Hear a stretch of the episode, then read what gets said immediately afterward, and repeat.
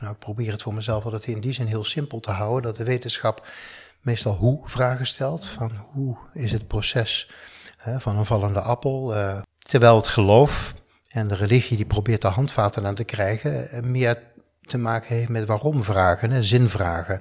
Van wat is mijn betekenis uh, hier op aarde, wat is mijn relatie tot mijn medemensen en tot God. Het leven van millennials lijkt vooral te bestaan uit eindeloze keuzes en verandering terwijl het kloosterleven op het eerste gezicht een leven van stabiliteit en regelmaat is. Maar zijn die werelden wel zo verschillend? Wat hebben ze elkaar te zeggen? Leuk dat je luistert naar Abdij Talks, de podcast waarin we samen zoeken naar een nieuw perspectief op herkenbare dilemma's in alledaagse kwesties. Dat doen we samen met de broeders van de Abdij van Berne. Zijn de wijze lessen uit het klooster ook vandaag de dag nog relevant? Ik ben Lisbeth Jansen, gespreksleider. En vandaag hebben we het over geloof. Wat is geloof eigenlijk? Hoe ga je om met twijfels en kritiek? We hebben het over geloof en wetenschap, die misschien helemaal niet zo ver van elkaar afstaan als je in eerste instantie zou denken.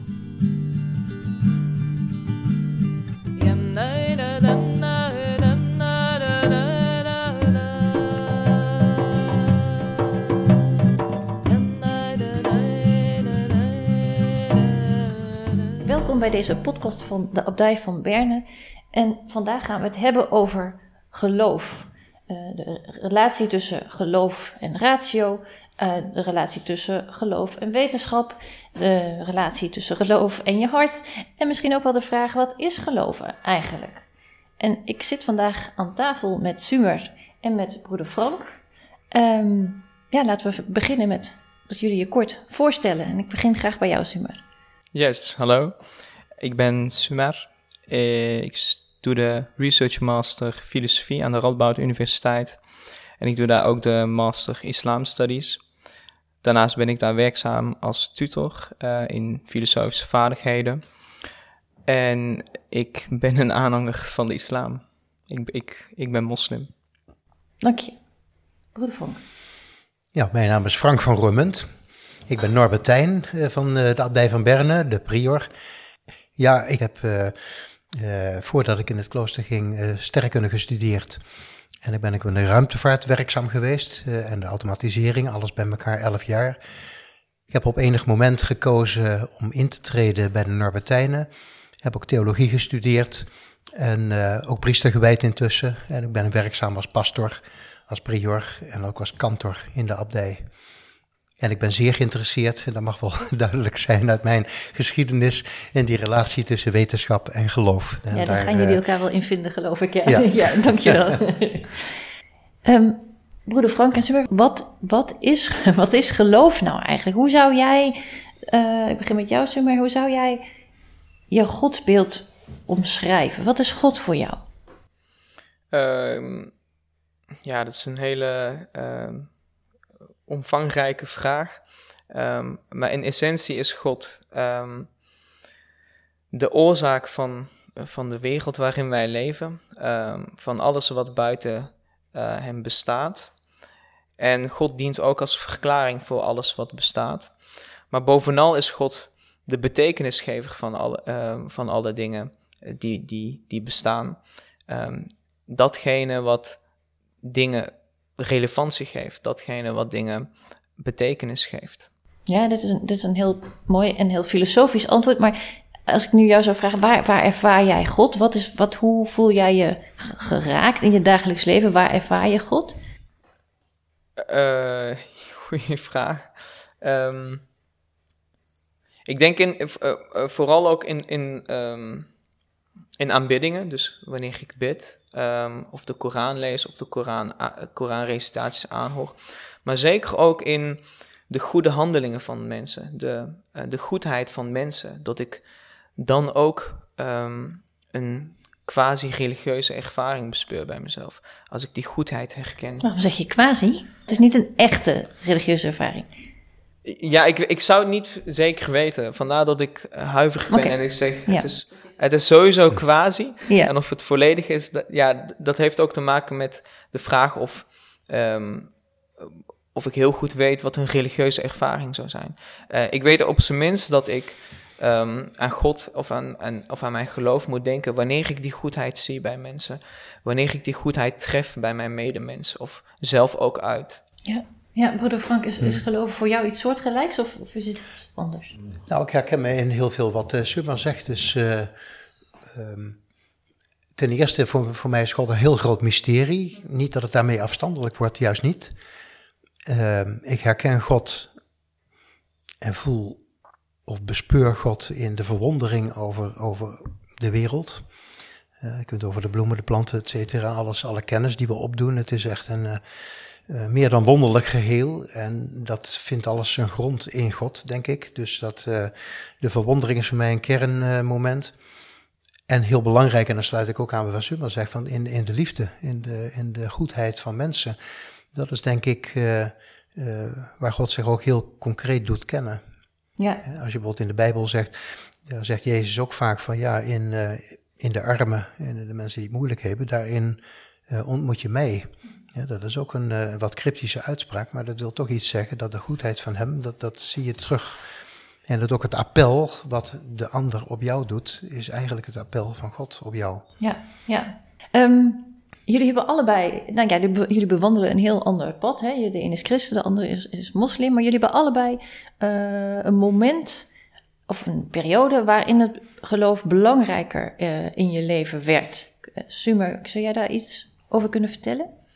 Ja, als we met um, belangrijker bedoelen dat geloof een bepalende rol had in de koers van het leven, dus um, meer ging bepalen hoe jij je ging gedragen en welke keuzes je ging maken, dan was dat voor mij wel het moment dat ik Mekka bezocht en uh, de Kaaba, het, Zwarte Huis, het, het Zwarte Gebouw in, in Mekka zag. Um, dat ook de richting bepaalt van de, van de moslims wanneer ze bidden. Um, en ook wel de eenheid symboliseert van de moslims. Vanaf die dag bespeurde ik bij mezelf een verantwoordelijkheidsgevoel. Um, vanaf die dag bespeurde ik ook een grotere nabijheid van mezelf tot, tot mijn schepper. En de tijd daarna gaf ik mijn leven ook veel meer vorm op basis van mijn geloof. Ja, want nog even terug naar Mekka. Je, je was daar geloof ik met een, met een groep jongeren, hè? Wat, ja, wat, ik, was vijf, ik was 15 jaar. Uh -huh. En wat gebeurde er toen dat je dacht, dit raakt me enorm? Ja, de, de aanblik van um, die plek, de aanblik van de moslims die daar uh, hun aanbiddingen verrichten, raakte mij zo enorm. Um, en ook op zo'n wijze die ik niet makkelijk middels woorden kan uitdrukken. Uh, het, het, was een uh, intiem gevoel, het was een immens gevoel. Um, en ook als ik daar nu aan terugdenk, dan lijken de woorden mij tekort te schieten. In de regel ben ik um, een grote voorstander van talige uitdrukkingen, het um, vervormen van gedachten tot talige uitdrukkingen. Uh, maar ik denk dat dergelijke ervaringen te groot zijn, te immens zijn uh, voor de taal en dat de taal daarin tekort schiet. Um, dus het is, een, het is een beleving, het is een ervaring. Ja, je zegt, we waren daar, ik was daar te midden van heel veel andere mensen die allemaal, uh, allemaal samen aan het bidden waren. En juist daarin had jij een hele persoonlijke ervaring. Dus er was iets met en samen zijn, met, met een grote massa mensen samen zijn. En dat je daarin juist iets heel unieks, uh, persoonlijks ervaart. Ja, zeker weten. Um, uh, ja, binnen die drukte lukt het mij of um, werd, mij, werd, mij, um, ik in staat gesteld om, om me te focussen op die ene, dat ene beeld van, van het gebouw. en ik was me ook niet meer heel erg bewust van de mensen om mij heen. Uh, ik, ik, wist eigenlijk ook niet heel goed wat er om mij heen gebeurde. Um, ik was zo erg gefocust op, um, op, op, op het gebouw dat ik misschien wel was vergeten waar ik, um, waar ik was of waarom ik daar naartoe was of hoe ik daar naartoe was gekomen. Uh, het, het, het, overviel me daadwerkelijk. ja. het, het, het, was, het, was, het was natuurlijk ook een spanning die loskwam, omdat je je daar zelf steeds op voorbereidt. Um, je, ziet, je ziet die plek op foto's, op videobeelden. En dan maak je het van dichtbij mee. Je raakt het aan, je kunt eraan ruiken. En dat uh, brengt natuurlijk ook veel emoties met zich mee. Uh, het is overigens niet omdat dat gebouw zelf inherent een uh, heilige waarde heeft, maar het is omdat dat gebouw als symbool door God is gekozen voor de moslims, voor um, zijn dienaren. Hetzelfde gebouw dat wordt toegeschreven aan Abraham en aan zijn zoon. Um, hetzelfde gebouw waar profeet Mohammed uh, als kind heeft gelegen. Hetzelfde gebouw waar hij als volwassene, als profeet, uh, het gebed heeft geleid. Hetzelfde gebouw waar de galiefen hebben gestaan. Al die geschiedenis die komt daar samen. Je hele religieuze identiteit wordt daar samengevat. En dat is zo'n overvallende, dat is zo'n immense ervaring, dat, dat, dat je dat niet met een paar frases kunt hm, samenvatten. Nee. En, toen ging je weer naar huis en toen?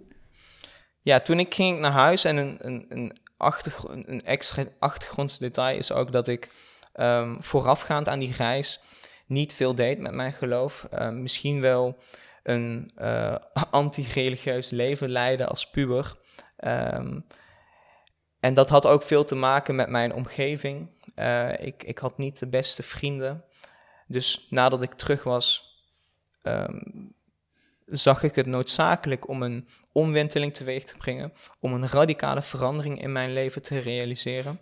En dat begon dus met het, um, met het mezelf distancieren van mijn vriendengroep. Dus ik ging lange tijd gewoon niet naar buiten. Het was een soort isolement, omdat ik inzag dat wanneer ik naar buiten zou gaan, ik vermoedelijk mijn vrienden zou tegenkomen en dan zou vervallen in die oude gewoontes. Dus ik, ik heb me lange tijd geïsoleerd. En ik begreep geloof ik van, dat, je, dat je echt drie maanden... Ja, zoiets. Ja? ja? ik heb uh, een paar maanden ben ik... Uh, natuurlijk ben ik wel naar buiten gegaan, maar um, vaak genieten dan wel. En het viel mijn moeder ook wel op. Dus ze zei, ja, waarom ga je nooit meer naar buiten, joh? En uh, ja, dat vertel je natuurlijk niet. Ik ben met een radicale verandering bezig in mijn leven. ik probeer uh, het allemaal om te gooien. Um, uh, maar dat zorgde er wel voor dat ik naar, op, naar een nieuwe bezigheid ging zoeken. de mens gaat zich snel vervelen, die wil steeds bezig zijn. De geest roep, roept om voeding. soms is dat in de vorm van amusement. Um, maar dat maakte wel dat ik um, het intellectuele stukje van het geloof meer ging onderzoeken. Uh, dat ik me meer ging bezighouden met uh, theologische teksten, video's of lezingen. En daar begon ook mijn gewoonte om boeken te lezen. Want als je de hele dag thuis zit, dan kun je wel enige tijd tv kijken, maar dat gaat ook vervelen. Um, en ik kwam er dus achter dat er in boeken uh, een, een, zee aan kennis, een zee aan spanning zit. niet alleen omdat er kennis wordt gedeeld in het boek dat boeiend is, maar ook omdat die kennis een aanzet tot nadenken kan zijn. Een nadenken dat soms helemaal geen grenzen heeft. Dus daarmee kon ik me heel goed vermaken. En dat heeft er met de tijd voor gezorgd dat ik um, meer kennis ben gaan opdoen. Beter ben gaan inzien hoe dingen in, in het geloof zitten, maar ook in het leven. Ja, ja uh, broeder Frank uh, Sumer vertelt dat voor hem is er een heel duidelijk moment waarop hij zei: Nou, dit is een soort van bekering. En nu gaat het geloof voor mij een heel uh, andere, nieuwe rol in mijn leven spelen. Voor jou was het geloof ik meer een proces, hè? Ja, dat is een vrij lang proces geweest. Ik denk wel dat ik, en dan is waarschijnlijk ook in mijn tienerjaren geweest, om bij 15 jaar of zo, dat ik me nog wel herinner, ik heb er zelfs een keer in een preek iets over gezegd, eh, dat ik, uh, nou goed, ik was tiener in Delft, waar ik geboren en getogen ben dat ik daar uh, veelal op de zondagavond naar de kerk ging. Ik ben gewoon opgegroeid in een, in een gewoon katholiek gezin. Tien kinderen, ik ben de jongste van tien, dus in die zin is mooi, past het allemaal in het plaatje. Uh, ik ging best graag naar de kerk toe, maar deed het ook vaak op de zondagavond om de zaterdag wat vrij te hebben, om met vrienden uit te gaan enzovoort enzovoort. En zoals dat gaat op die leeftijd. Op de zondagavond merkte ik wel in die enorme Maria van Jessenkerk in de binnenstad van Delft dat uh, me vaak het gevoel ja, bekroop van, uh, er zaten maar heel weinig mensen in de kerk en vaak hele oude mensen en een krakerige uh, geluidsinstallatie.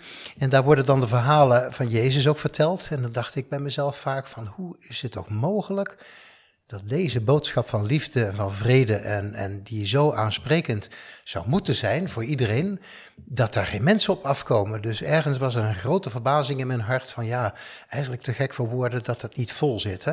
Ja, want je, je begon met te zeggen van goh, ik kwam daar dan binnen, het is een hele grote kerk en er zaten eigenlijk maar heel weinig mensen. En de mensen die er zaten waren ook nog op leeftijd. Ja. Maar jij was er wel. Ik zat er wel, ja. Ik ben daar gewoon in, in opgegroeid, dat ik daar uh, wel mee vertrouwd was om, uh, om ook naar de, naar de vieringen te gaan. Maar dat besef, wat er dus uh, ja, bij mij zo af en toe echt doorkwam, had ik op een gegeven moment wel het idee van, nou ja, hè, als een stem die in mezelf sprak, of mijn eigen stem die ik tot mezelf richtte, van ja, als je nou vindt dat die boodschap zo belangrijk is en dat iedereen die moet horen, of dat je moet uitnodigen dat mensen die kunnen horen, van zet jezelf er dan voor in. En ik denk dat ik toen rond die leeftijd wel een soort besef ben gaan krijgen uh, dat ik als gedoopte ook een opdracht heb om daar ook iets mee te doen. Dat die boodschap van Christus, dat is niet iets wat ik voor mezelf moet houden, maar dat is iets wat je uit moet dragen. Het is een blijde boodschap, niet alleen voor mij, maar die mag ik ook weer verder uitdragen. Ik heb in die jaren ook wel eens ja, vaag de gedachte gehad, misschien moet ik priester worden, om ook uh, specifiek een rol te nemen in de verkondiging. Maar het is nooit tot, uh, ja, tot bloei kunnen komen. Ik heb in het begin al gezegd, ik heb uh, na mijn middelbare school ben ik sterk kunnen gaan studeren, want mijn interesse in de natuurwetenschap, die is trouwens nog steeds niet tanende. Dit is me altijd uh, nog heel erg lief. Maar ik ben een heel andere weg opgegaan, maar het geloof, dus diep in mijn hart, heeft altijd een belangrijke rol gespeeld. En wat, wat maakte dat je op een gegeven moment hebt besloten om, om hier in te treden? Ja, dat is eigenlijk dat ik, uh, dan moet je weer een hele stap verder. Dat is eigenlijk al toen mijn studie, uh, toen ik afgestudeerd was en intussen uh, met het werk bezig was in de ruimtevaart. Op zich heeft dat er niks mee te maken, maar toen heb ik het plan opgevat om elke keer de laatste week van mijn vakantie door te brengen in rust, in meditatie, in gebed en kloosters zijn dan een mooie plek daarvoor. Hè? Dus ik heb, uh, zonder dat er echt een aanleiding voor was, eerste vakantie, een actieve vakantie om te kamperen of met vrienden ergens naartoe te gaan. Maar om dan echt een week met terug te trekken in een klooster. Dat was toen vaak een Benedictijnenklooster of een Trappistenklooster, die uh, in België, Duitsland en Nederland. En kennelijk, want elk jaar opnieuw ben ik zo'n weekje weggegaan, kennelijk heeft dat bij mij wel iets losgemaakt. Maar nog niet echt uh, bewust in de zin van, ik was bij monnikenkloosters en ik heb mezelf nooit echt de vraag gesteld, zou dit leven voor mij zijn weggelegd of zou ik hiervoor moeten kiezen? Omdat ik, ja, ik voel mezelf geen monnik. Ik denk ook niet dat dat geschikt voor mij zou zijn. Dus dat uh, vlammetje is niet overgesprongen.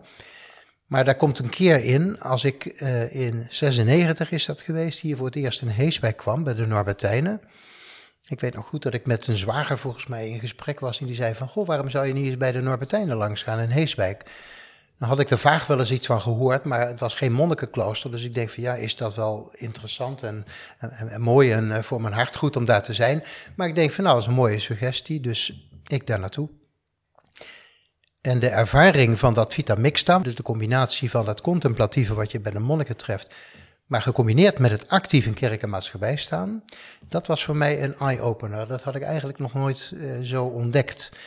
dus dat je niet als monnik afgesloten bent, min of meer van de, van de buitenwereld. Geldt trouwens voor monnik ook niet helemaal hoor, maar, uh, maar dat je gewoon actief uh, kunt staan. Dat ook familie, vrienden altijd welkom zijn in de abdij. dat jij als kloosterling ook heel vaak buiten de abdij bent. Dus dat het een, een open relatie kan zijn. Nou, toen is die vraag bij mij wel bewust geworden van, is er iets in mijn hart dat hier speelt? Want ik heb daar dagelijks mee rondgelopen. Dat durf ik echt met, uh, met zekerheid te zeggen. Dagelijks met die vraag rondgelopen sinds mijn, uh, mijn, mijn verblijf hier. Van, moet ik Norbertijn worden? En hoe lang, hoe lang zat het tussen dat, dat, die eerst, dat eerste verblijf en het moment waarop je dacht, ja, inderdaad, dat is twee jaar. iets mee? Twee jaar. Dus uh, bijna op de kop af twee jaar, want ik heb in die periode uh, ook weer een ander klooster bezocht, maar heel specifiek ook met het idee van ja, ik moet in stilte, in gebed, uh, ja, dan word je ook wel opstandig naar God. Hè? Dus even, ja, als het nou mijn roeping is, laat het dan duidelijk zijn. Hè? Maar zoals met veel dingen die met het hart te maken hebben, met het geloof, je kunt dat niet afdwingen. Ja, dus ik heb veel nagedacht, veel gebeden, et cetera. Dat is ook goed. Maar er is op enig moment, ik geloof dat het tweede Pinksterdag was in 98, Ik was de was aan het vouwen. Ik streek alleen mijn, mijn overhemden om het eenvoudig te houden. Ja. Dus ik was bezig met gewoon heel huiselijke dingen. Dus ik was er eigenlijk niet direct mee bezig. En toen viel het kwartje bij mij. Toen had ik zoiets van eh, de wens om toch weer, weer te gaan studeren. Dus na mijn sterrenkundestudie toch eh, theologie en filosofie. Dat was een, eh, een, een hobby als het ware van mij. Dat wilde ik gaan doen. Ik was hier geweest en had het gemeenschapsleven leren kennen. eh, het open gemeenschapsleven, hè, dus het Vita Mixta. Eh, al die dingen, al die eh, wensen, die kwamen eigenlijk bijeen. En ik heb toen hardop voor mezelf uitgesproken. Maar Frank, dit is wat je zoekt. Dat was een confronterende ervaring. En vrij snel daarna heb ik natuurlijk mijn directe familie en, eh, en gaandeweg ook collega's op het werk verteld van mijn eh snode plannen. Ja, ja wat, ik, wat ik heel interessant vind is als ik jullie allebei de verhalen hoor, dan nou ja, staan jullie, je bent ingetreden, maar wel in een, in een, een orde die in, in de maatschappij staat. Jullie hebben allebei eh, of gestudeerd of studeren nog. En volgens mij is ook die, die combinatie van geloof en wetenschap, of van geloof en reden voor jullie allebei heel belangrijk. Sumer, kun jij daar misschien als eerste iets over Ja, zeggen? dus misschien terugkomend op mijn verhaal. ehm, eh, de gebeurtenis die ik vertelde was wel- degelijk, ehm, doors- had wel degelijk een doors- doorslaggevende rol. Maar het, eh, uiteraard was het ook een eh, heel lang proces met vallen en opstaan. eh, met twijfels, met ups en downs. Ehm, dus ik herken wel wat broeder Frank zegt. Eh, en bij die ups en downs speelde twijfel bij mij altijd ook een belangrijke rol ehm, in, in methodologische zin. Ehm, twijfel had in mijn geval vaak wel een positieve uitwerking, omdat ik de twijfels die ik tegenkwam ehm, poogde om te zetten in antwoorden, bevredigende antwoorden. Dus die twijfels waarmee ik geconfronteerd werd, en dat was vaak vanuit externe hoeken, dus er waren om mij heen atheïsten, islamcritici, soms die ik zelf opzocht, soms zochten zij mij op, eh, die mij confronteerden met bepaalde kritieken op, op mijn geloof. Kun je er eens eentje noemen? Wat voor soort kritiek kreeg je? Ja, dat waren vaak basale dingen als, eh, oh, ergens wordt in de Koran gezegd dat, dat in de hel eh, stenen zullen branden en ergens anders wordt gezegd eh, mensen zullen branden in hel. Nou, dat kan toch niet? Eh, dat is een contradictie. En het boek zegt zelf, als dit niet van God was, dan zou er, menig, menig, dan zou er menig contradictie in het, in het boek zitten. En eh, ja, als puber, of in ieder geval als niet geleerde en niet ehm, weldenkende of getrainde persoon, kun je daardoor, ehm, eh, kan dat een onaangenaam gevoel geven. Eh, wa- want je beschouwt het geloof als perfect en volkomen. En je ziet niet in dat dergelijke tegenargumenten eh, vaak geen hout snijden, zoals dit voorbeeld. Ik bedoel, eh, het, het is geen contradictie omdat beide mogelijk zijn. Je kunt houtskool, maar ook hout op een barbecue leggen. Eh, dus, dus, dus het sluit elkaar niet uit. Ehm, maar het ging vaak ook over fundamentele dingen als als God alles weet, hoe kunnen wij dan nog vrij zijn? Eh, dan staat alles toch al vast. Dan heeft het ook geen zin meer om je in te spannen voor, voor je lot, want je lot is al bepaald.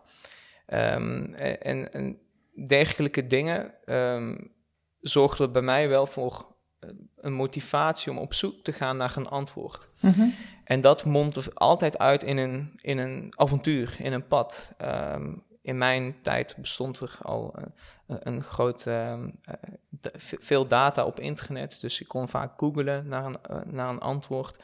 En als dat niet lukte, dan kon ik de lokale imam bezoeken. Als dat niet lukte, dan een boek. Maar gaandeweg maakte dat wel dat ik bekend, bekendheid verwierf met vele um, literatuur of personen. Um, en bij elke stap dacht ik ook na. Waardoor, waardoor ik mijn intellectuele vermogens ook ontwikkelde. Ja, maar je zegt in het begin was het dus zo dat ik met mensen erover sprak. En vaak ook met mensen die inderdaad ofwel kritisch waren op de islam. of überhaupt niks hadden met geloof. En dan zet je er toch een bepaalde manier aan de, aan de twijfel. Dan zeg je van, goh, hebben zij ook een punt? Of, of, of wat? Ja, ja, ogenschijnlijk lijkt het een, um, een, een correct argument. Dus je denkt, ik, ik zou niet weten waarom dit tegenargument niet klopt. Ja, inderdaad, God weet alles al. Dus God weet ook of ik morgen iemand ga vermoorden of dat ik morgen iemand bloemen ga geven. Hoe kan ik daar dan nog invloed op uitoefenen? Ehm, maar wat je dan doet is, tenminste wat ik dan deed, is dat je dat, je oordeel opschort. Dus je probeert een bepaalde vorm van geduld op te brengen. Ehm, en dat vergt ook vertrouwen in, in, je, in je schepper, in je God en in je geloof. Je zou kunnen stellen dat dat vertrouwen niet volledig uh, gerechtvaardigd is.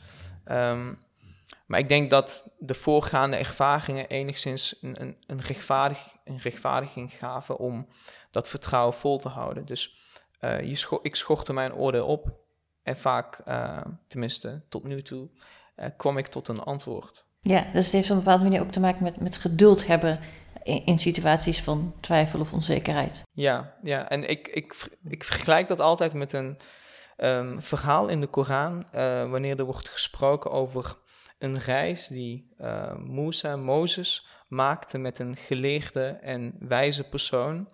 Um, in uh, andere historische bronnen in overleveringen wordt hij ook wel Gidr genoemd, maar in de Koran wordt geen naam gegeven. En het verhaal zou zijn dat uh, Mozes werd gevraagd door de Israëlieten, zijn volk, nou, wie is de meest geleerde in, in, in de wereld? Uh, en Mozes zou hebben gezegd, dat ben ik. Um, terwijl het juiste antwoord God zou moeten zijn. En om Mozes een les te leren, um, zou God Mozes hebben verteld, nou er is een persoon die geleerder is dan jij. En Mozes zou natuurlijk, omdat hij zo leergierig is, um, hebben willen weten wie dat, dan, wie dat dan was.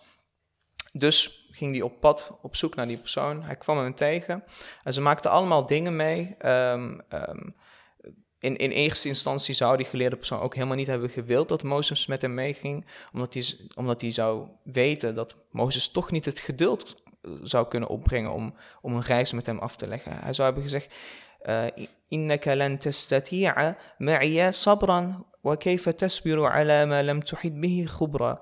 Jij zult toch geen geduld opbrengen met mij. En hoe kun jij geduld opbrengen voor iets wat je niet begrijpt? Maar Mozes die drong toch aan en ze ging op pad. Die persoon uh, uh, stak een bootlek. Uh, Mozes vroeg, waarom doe je dat nou? nou? Hij zei, je zou zwijgen, je had beloofd om niks te vragen totdat ik het zei. Toen gingen ze verder, vermochte hij een klein kindje. Mozes zei, nou, waarom doe je dat nou? Ben je, uh, wat, wat, voor reden heb je daarvoor? En toen zei die geleerde persoon, je zou geen vraag stellen totdat ik zei.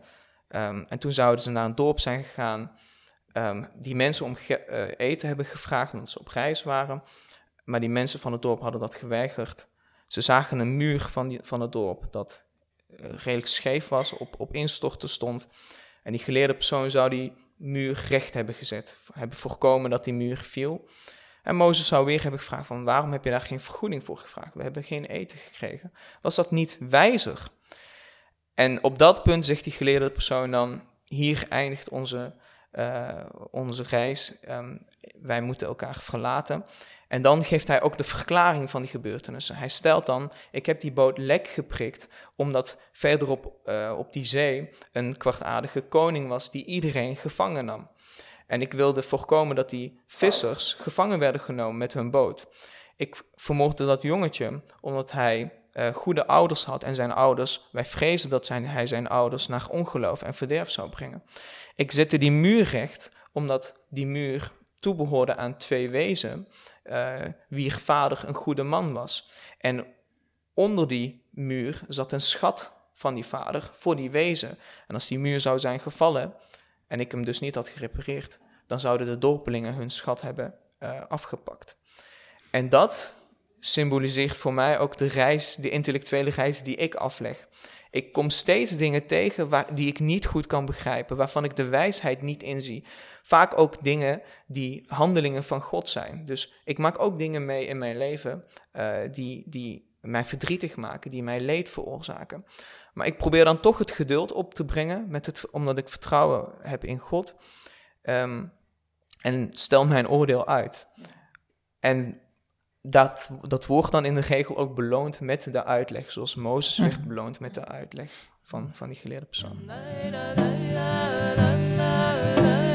Hm.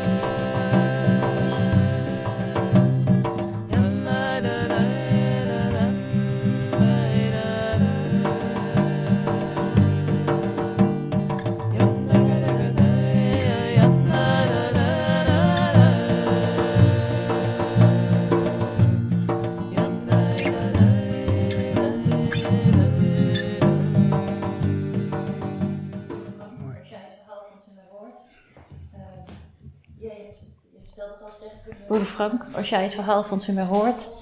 Um, jij hebt, je vertelde het al sterrenkunde Nou ja, uh, twijfel, dat is iets van alle Welke rol speelt twijfel Ook in jouw geloof, maar leven? Uh, het gaat niet zozeer over twijfel van of geloof en wetenschap samen kunnen. Want als ik heel eerlijk ben, is dat voor mij persoonlijk nooit een probleem geweest. Nee. Gelukkig niet, zou ik haast denken. Want uh, ja, de natuurwetenschap die ligt me na aan het hart. Ik ben altijd erg geïnteresseerd geweest, maar ik heb daar nooit een spanning ervaren van, uh, ja. met, met geloofszaken. Nee, terwijl het toch vaak wordt gezegd van, nou ja, als je gelooft, dan, dan kun je niet ook een goede sterrenkundige zijn. Ja, Nee, en toch denk ik dat het anders nou, ligt. ja, Eh, ik heb natuurlijk dan- daarna dan kun je wel niet wat ook een goede verdiept in zijn, precies deze kwestie. Hè, van hoe komt het toch dat mensen, Ja. eh, en niet alleen mensen, maar doorheen de geschiedenis, dat daar problemen gerezen zijn.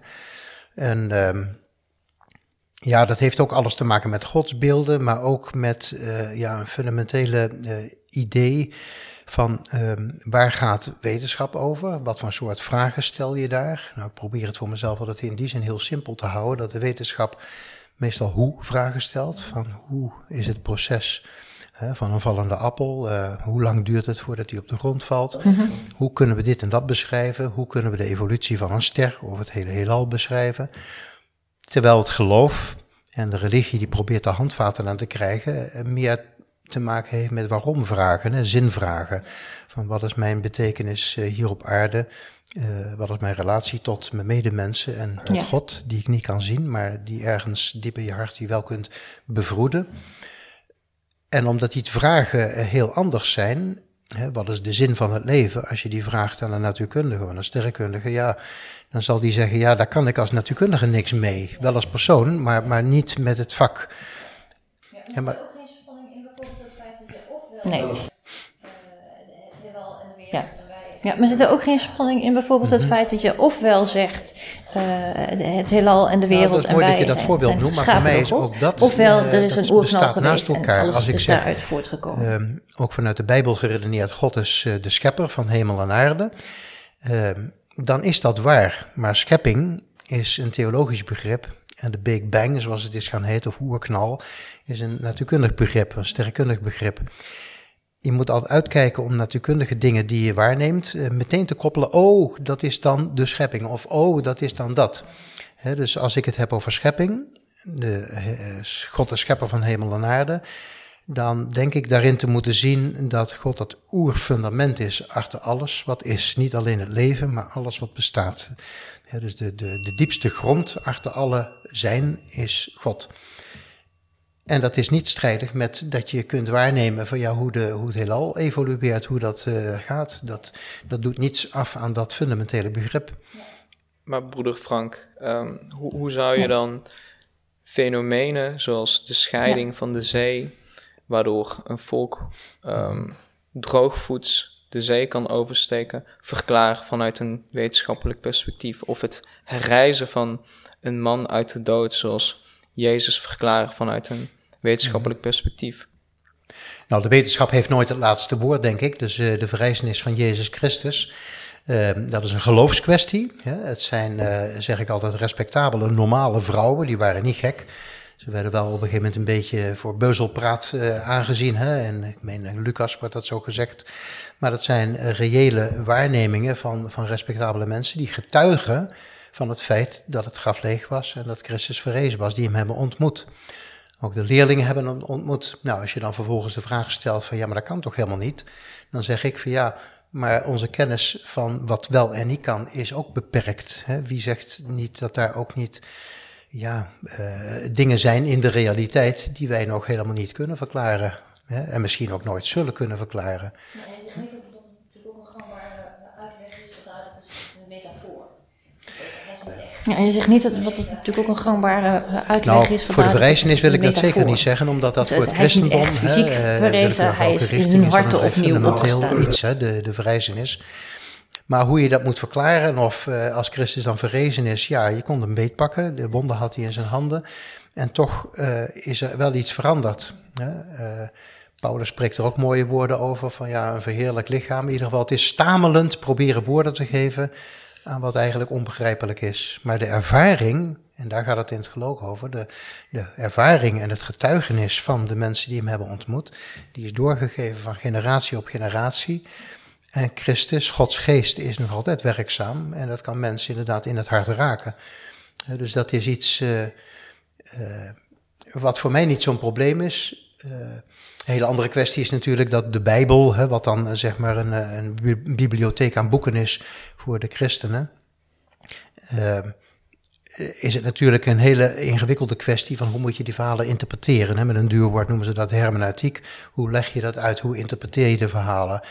Nou, ik denk uh, zeker voor het Oude Testament moet je ook helemaal doorvrocht zijn in de Joodse manier van denken, de Joodse cultuur, om ook een beetje te begrijpen hoe die verhalen in elkaar steken. Dat sommige dingen inderdaad een zekere, uh, ja, een bepaalde manier van vertellen is, die helemaal anders is dan onze manier van vertellen. maar dat is inderdaad best een ingewikkeld iets, maar het komt er voor mij op neer dat ik denk van ja, het gaat om ehm, een geloofservaring die voor mij niet strijdig is met een natuurkundig iets of zo. Hè? Dus op bijvoorbeeld het verhaal van Genesis, uh, de schepping in zes dagen en de zevende dag rusten. Daar zit een hele diepe waarheid in, hele diepe uh, afhankelijkheid die de mens voelt van God. Uh, dat alles uiteindelijk in hem zijn, zijn oorsprong heeft. En bovendien in Genesis 2 staat weer een heel ander, een veel ouder scheppingsverhaal. Hè? De rib uit het lijf van Adam enzovoort enzovoort. Maar ook daar zit een hele diepe, diepe uh, waarheid in. Maar ik denk dat dat uh, heel metaforisch ook bedoeld is. Hè? Het is niet letterlijk in zes dagen. Hè? Zelfs Augustinus, onze regelvader, heeft al over deze kwesties nagedacht. En, maar het, het helpt je wel, die verhalen, om jouw positie ten overstaan van je medemensen en zeker ook je relatie met God, om die te verdiepen en om daar voeling mee te krijgen. Ja, en dat, dat vroeg me af, want dat is net wat ze mij net mm -hmm. van dat juist die vragen van buitenstaanders en van... Ja, want dat, dat vroeg ik me af, hè, want dat is net wat Sumer net vertelde, van dat juist die vragen van buitenstaanders en van critici en van mensen die zeiden, ja maar hoe zit dat nou met Ja. die verhalen in de Koran? Dat het hem En ik denk dat het, eh, eh, op het denken gezet om in juist het algemeen, op zoek te gaan naar de antwoorden eh, op die, op die vind vragen. ik heel belangrijk in Is het het voor jou? Ik denk dat het, eh, Daar kan ik Augustinus weer aanhalen, onze regelvader uit, uit de vierde, vijfde eeuw. Die altijd heeft gezegd, je moet proberen te, be- proberen te begrijpen wat je gelooft. Hè? Mooie Latijnse uitspraak ook bij. Maar je moet blijven nadenken bij wat er gebeurt. Hè? Dus eh, het verstand en, en het hart eh, moet je naast elkaar kunnen houden. En soms zit er iets van spanning in. Dus eh, het verstand en, en het hart ja, moet je naast elkaar kunnen houden. En soms zit er iets van spanning in. Ehm, Is- nee, is dat ik- voor ik jou ook zou zo? Dat hart en verstand ehm, die- naast elkaar die staan, een gelijkwaardige positie dichotomie willen doorbreken en stellen dat ehm, het verstand altijd onderdeel is van het hart ehm, en altijd noodzakelijk is voor het hart. Dus een vooronderstelling van het geloof is altijd dat er sprake is van een verstand. Ehm, binnen de islam eh, drukken we dat ook uit tot te stellen dat zij die niet bij een gezond verstand hebben, niet aansprakelijk zijn voor hun handelingen. Dus mensen die eh, geestelijk gestoord zijn of eh, mensen die in een coma verkeren. Mensen, met andere woorden, die niet bij krachten zijn om verstandelijk te denken, zijn niet verantwoordelijk voor de dingen die ze doen. Ehm, en worden bijgevolg ook niet aangesproken door het geloof. Dus ehm, het gebod geloof is voor hen niet van toepassing, omdat zij het middel tot het geloof, namelijk het verstand, niet bezitten. Dus het verstand is juist eh, een, een manier, een, een noodzakelijke voorwaarde voor het geloof. Ehm, maar ik begrijp heel goed wat er mee bedoeld wordt wanneer in modernere, hedendaagse discussies wordt gesteld dat het verstand haaks kan staan op het geloof. Volgens mij wordt daarmee bedoeld dat dingen die wij denken, ehm, eh, dingen, inzichten die wij hebben opgedaan buiten een religieuze context, ehm, observaties die wij, die wij hebben verworven eh, middels eh, de wetenschap, uitleggen of navertellingen van religieuze teksten lijken tegen te spreken. Eh, en op dat, dat zou inderdaad heel goed kunnen. In de, in de Koran wordt ook gesteld dat, dat de wereld in zes eh, dagen is geschapen, maar het woordje dagen kan daar ook periodes betekenen. Eh, en het wordt eh, evenmin uitgelegd als een dag van 24 uur in de exegetische traditie. Ehm, en daar kan inderdaad wel een spanning ontstaan. Ehm, maar ik, ik geloof dat, eh, al- althans dat is wat mijn onderzoek tot nu toe uitwijst, dat die spanningen altijd oppervlakkig zijn. En dat wanneer men diep geduikt, merkt dat, die, uh, dat, dat ze beide gewoon uh, verenigbaar zijn. Um, in het geval van wetenschappelijke ontdekkingen um, is er een optie om de tekst die haak staat op die ontdekking anders uit te leggen, voor een metaforische uitleg te kiezen. Um, maar je zou ook kunnen stellen, nou, um, hoe zeker zijn wij van die ontdekking? Uh, dus je zou ook de, de, de aard van de wetenschap kunnen ondervragen. Um, en jezelf kunnen afvragen of wetenschap wel een reden tot uh, twijfeling aan het geloof mag zijn. Uh, is, is wetenschap daartoe wel in staat? Ja mij vind jij dit wel. Nou ja, ik, ik, denk dat we niet zo heel ver van elkaar zitten. Ik Frank opeens ook kijken. Volgens mij vind jij hier iets van. En het nadenken is belangrijk. Uh, maar ook, en dat vind ik een belangrijk om nog een keer te onderstrepen, uh, er is vaak, uh, ook vandaag de dag, dat mensen, ja, om het heel plat te zeggen, een veel te hoge pet hebben, op hebben van de natuurwetenschap. Alsof uitspraken uit de natuurkunde, alsof die fundamentele waarden hebben die nooit achterhaald kunnen worden. Zo, zo is het niet. Ik kan niet genoeg onderstrepen dat natuurwetenschap, of je nou scheikunde is of natuurkunde of sterrenkunde, dat maakt dan niet uit. Dat is uh, het spel tussen theorie en waarneming. En de theorie, in de taal van de theorie, is de wiskunde in dit geval. Ja, dat is de abstractie in zichzelf. Het is al wonderlijk dat wiskunde bestaat. Hè? Dat, je, dat je zoiets hebt als een abstractie waar geen materie of iets uh, voor nodig is. Maar dat je door pure denken bepaalde, uh, bepaalde modellen kunt ontwerpen. En dat het ook nog soms past op dat wat je ziet om je heen. Ja, dat is op zich een filosofisch mooi onderwerp. Van uh, hoe, hoe kan het zijn dat wij wiskunde kunnen ontwikkelen. soms zeggen de mensen, nou ja, wij bestaan met ons verstand, met onze hersenen in de wereld die een bepaalde ordening kent. Nou, die ordening die kun je beschrijven met wiskunde. Dus is het logisch dat wij wiskunde kunnen bedrijven, omdat het in feite de intrinsieke structuur van ons heelal is. Maar goed, dat is een hele ingewikkelde discussie. Daar wil ik eigenlijk verder van blijven. Maar belangrijk is dit nogmaals om te zien, wiskunde, uh, wiskundige modellen en waarnemingen, uh, die hebben uh, altijd maar een tijdelijke waarde. Ik zou zo een paar voorbeelden kunnen noemen. Uh, uit de klassieke natuurkunde bijvoorbeeld de wetten van Newton, hè, de bewegingswetten, FSMLA, iedereen kent dat, en de gravitatiewet. Daarmee is de hele uh, de klassieke mechanica eigenlijk beschreven. Op het moment dat bleek dat met hoge snelheden, ik noem maar één voorbeeld, hè, dat, uh, dat dat niet meer klopt, bleek dat daar een soort correctie op moest komen. Dus de wetten van Newton, de bewegingswetten, die hebben een beperkte geldigheid voor zover de snelheden die daar aan de orde zijn heel, heel veel kleiner zijn dan de lichtsnelheid. dus het spel van de wetenschap, ten eerste is altijd maar een, heeft tijdelijke uh, geldigheid. dus en ik denk ook dat het nooit eindigt. Ten eerste.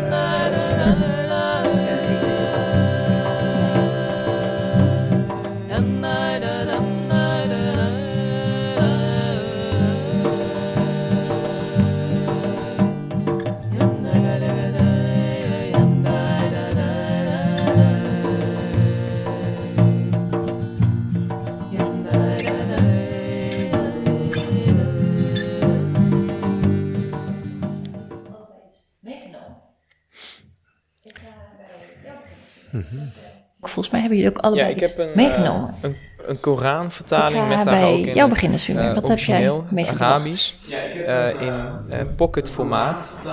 Dus hij ziet er ongeveer zo uit. Dat is inderdaad ja. heel klein, ja. Ja, het Arabisch, maar ook, oh. dit is een Turkse vertaling, is, is heel, heel klein. klein. De kleine lettertjes. Um, maar dit is een geschenk van mijn tante in Turkije. Um, en ze had het aan mijn moeder geschonken. Met ook in de boodschap, um, nou lees het en doe er, um, um, haal er veel le wijze lessen uit. Uh, het zit nu onder mijn aantekeningen en plaknotities. maar ik heb dit dus, uh, ja, uh, in verloop der tijd heb ik dit een beetje geclaimd van mijn moeder. omdat ik het bijzonder handig vond. Het is klein, je kunt het overal naartoe meenemen. En dit, dit was ook de vertaling die ik in mijn, ja, wat zal het zijn, um, niet, nou ja, net na puberteitperiode uh, gebruikte en las. Um, Ja, ik heb dus hier nog de aantekening. Dit, En heb je een bepaald citaat dat je 18 graag jaar. voor wilt lezen? ehm, Of gaat het meer om en ik heb hier versen opgeschreven die ik toen de tijd kijk, heel belangrijk vond. Ehm, en één daarvan komt uit eh, eh, hoofdstuk Ennaam, eh betekent Mhm. de vee, vers 116. En er wordt dan gezegd, eh, als jij de meerderheid van de mensen op aarde zou volgen, dan zouden ze jou afwenden van de, van de weg van God. Ehm, want zij volgen niks anders dan een vermoeden. Ehm, en zij zeggen niks anders dan eh, leugens. Dus er is een algemenisering, een generalisering van hoe de mensheid toen de tijd was. Sluit natuurlijk niet uit dat er genoeg mensen waren die eh, wel op, op de weg van God waren. Ehm, maar ik vond dit ook symbool staan voor de toestand waarin ik mij toen, en misschien wel nu verkeer, eh, eh, toen verkeerde en nu verkeer. Ehm, dat je een intellectuele eenzaamheid voelt. Dat je een ehm, eh, apathie bespeurt bij mensen. Een desinteresse Mhm. jegens het geloof. Ondanks dat jou het zo erg, zo nauw aan het, na het eh, hart gaat. Ehm, en, en dat, dat levert enigszins wat frustratie op. Je denkt, nou ja, waarom is het gros van mensen niet geïnteresseerd in het geloof? Of waarom neemt het gros van de mensen het geloof niet serieus? Ehm, en ja, die, die bevestiging vond ik in dit vers. Eh, ik, ik kon. Dat het niet erg is om die positie te hebben. Ja, dus je, je zag wel dat dit. ehm, Dat het niet, dat het niet erg het is om die positie te hebben. Dus ehm, ik, kon, ik kon me daar aan eh, relateren. Ehm, en eh, ik, ik zag ook wel in dat de mensheid een terugkerend patroon had. Eh, een groot deel van de mensheid blijft ergens toch een desinteresse tonen voor, voor het geloof. En er blijft altijd een strijd tussen eh gelovigen en niet-gelovigen, op intellectueel vlak uiteraard. Ehm, er blijft altijd een discussie tussen gelovigen en niet-gelovigen. Ehm, dus dat is niet alleen van onze tijd, maar eh, misschien van, van alle tijden. Herken je dit broeder Frank? Dat citaat wat eigenlijk zoiets lijkt te zeggen als... Ja? Herken je dit broeder Frank? Dat dit citaat wat eigenlijk zoiets lijkt te zeggen als... eh, het gros van de mensen die brengen je misschien Ja, alleen maar van, eerder, van het, ik zie het eerder af als een, van je eh, eigen als een eigen verantwoordelijkheid. Ik begrijp wat je- Summa je hart zegt, hè, maar Het is een hele vrije vertaling. snel ehm, als het ware denken dat die verantwoordelijkheid of dat bij die ander ligt. Het kan zijn inderdaad eh, dat heel veel mensen, of dat is misschien ook wel zo, heel veel mensen daar schijnbaar, laat ik een slag om de arm houden, geen interesse in hebben, daar niks mee doen. Maar het is eerder een opdracht voor mezelf om bij de les te blijven. En gewoon eh, liefdevol en vriendschappelijk met, met eigenlijk proberen iedereen om te gaan, zonder dat je je laat meeslepen van de weg. Dus dat je je laat afleiden. Uh, maar dat uh, hindert mij niet in de omgang met, uh, Ja. met mensen. Dus ook mijn studiegenoten of dispuutsgenoten uit mijn studententijd in Leiden. Uh, die zie ik ze nou niet regelmatig, in principe eens per jaar. Met de coronatijd is dat even lastig geworden. Maar dan vind ik het heerlijk om ze allemaal te zien. En ze weten allemaal welke stappen ik gezet heb. Mm -hmm. We kunnen altijd nog over de dingen spreken van vroeger. En zij zijn geïnteresseerd in mijn leven. En uh, dat geeft ook niet braakvlakken. Ja hoor, ja. ja. Nee, ja. Daar kun je gewoon open ja, over praten. Het is, ja.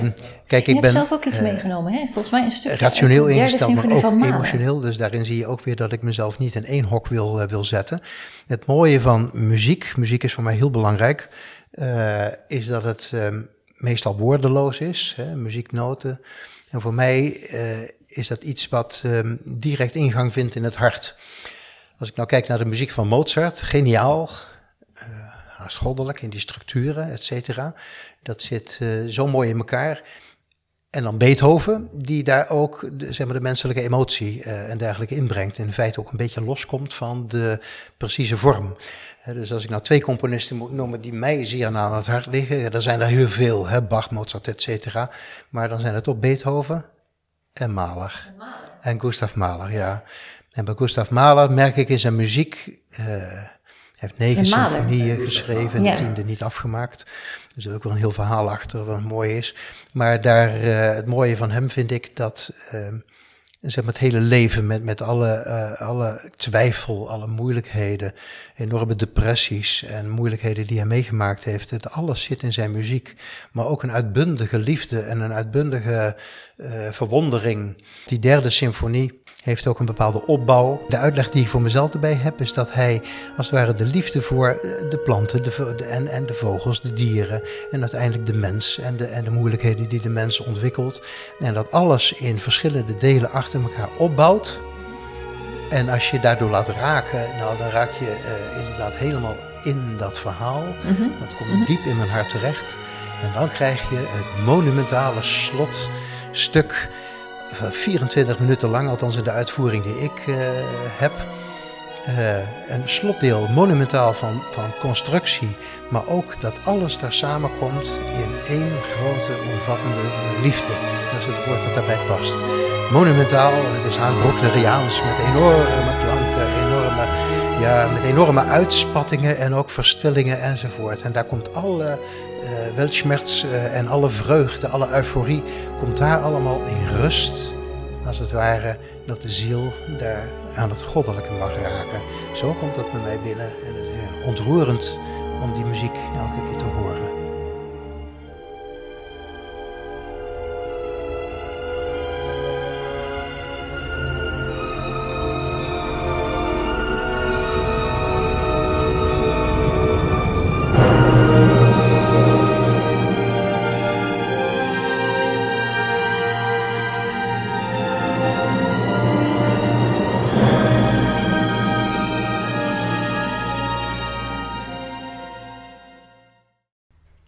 Jullie wel voor jullie allebei de bijdrage. Ik ben benieuwd en daarmee gaan we deze podcast voor vandaag afsluiten. Als jullie nou vanmiddag in de trein, in de auto, uh, uh, tijdens allerlei activiteiten nog eens terugdenken aan dit gesprek, wat neem je dan mee? Dan mag ik dan bij jou beginnen, broeder Frank. Wat is... Nou, ik vond het een heel prettig gesprek en uh, ook leerzaam, zeg maar, om te kijken van hoe, hoe jij, Sumer, over dingen denkt. Um, en herken ook heel veel daarin. Fijn, dankjewel. Hmm. Sumer. Um, ik ben uh, heel aangenaam verrast door de houding van broeder Frank als wetenschapper ten opzichte van, um, van geloofselementen. Um, dus ik denk dat dat een, een, goed voorbeeld kan zijn voor zij die de wetenschappen bestuderen. dat neem ik zeker mee voor mezelf, die, die houding. en ook zeker de toewijding uh, die, die broeder Frank vertoont uh, aan zijn geloof. daar haal ik zeker ook lessen uit. Night and night.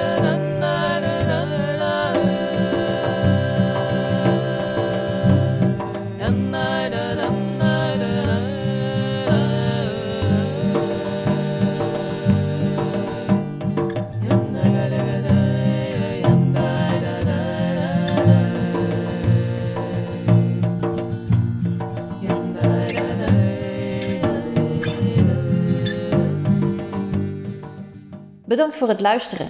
Abdij Talks werd mede mogelijk gemaakt door een bijdrage van het Fonds Kerk en Wereld. Voor het muzikale intermezzo danken wij Vita Wilmering.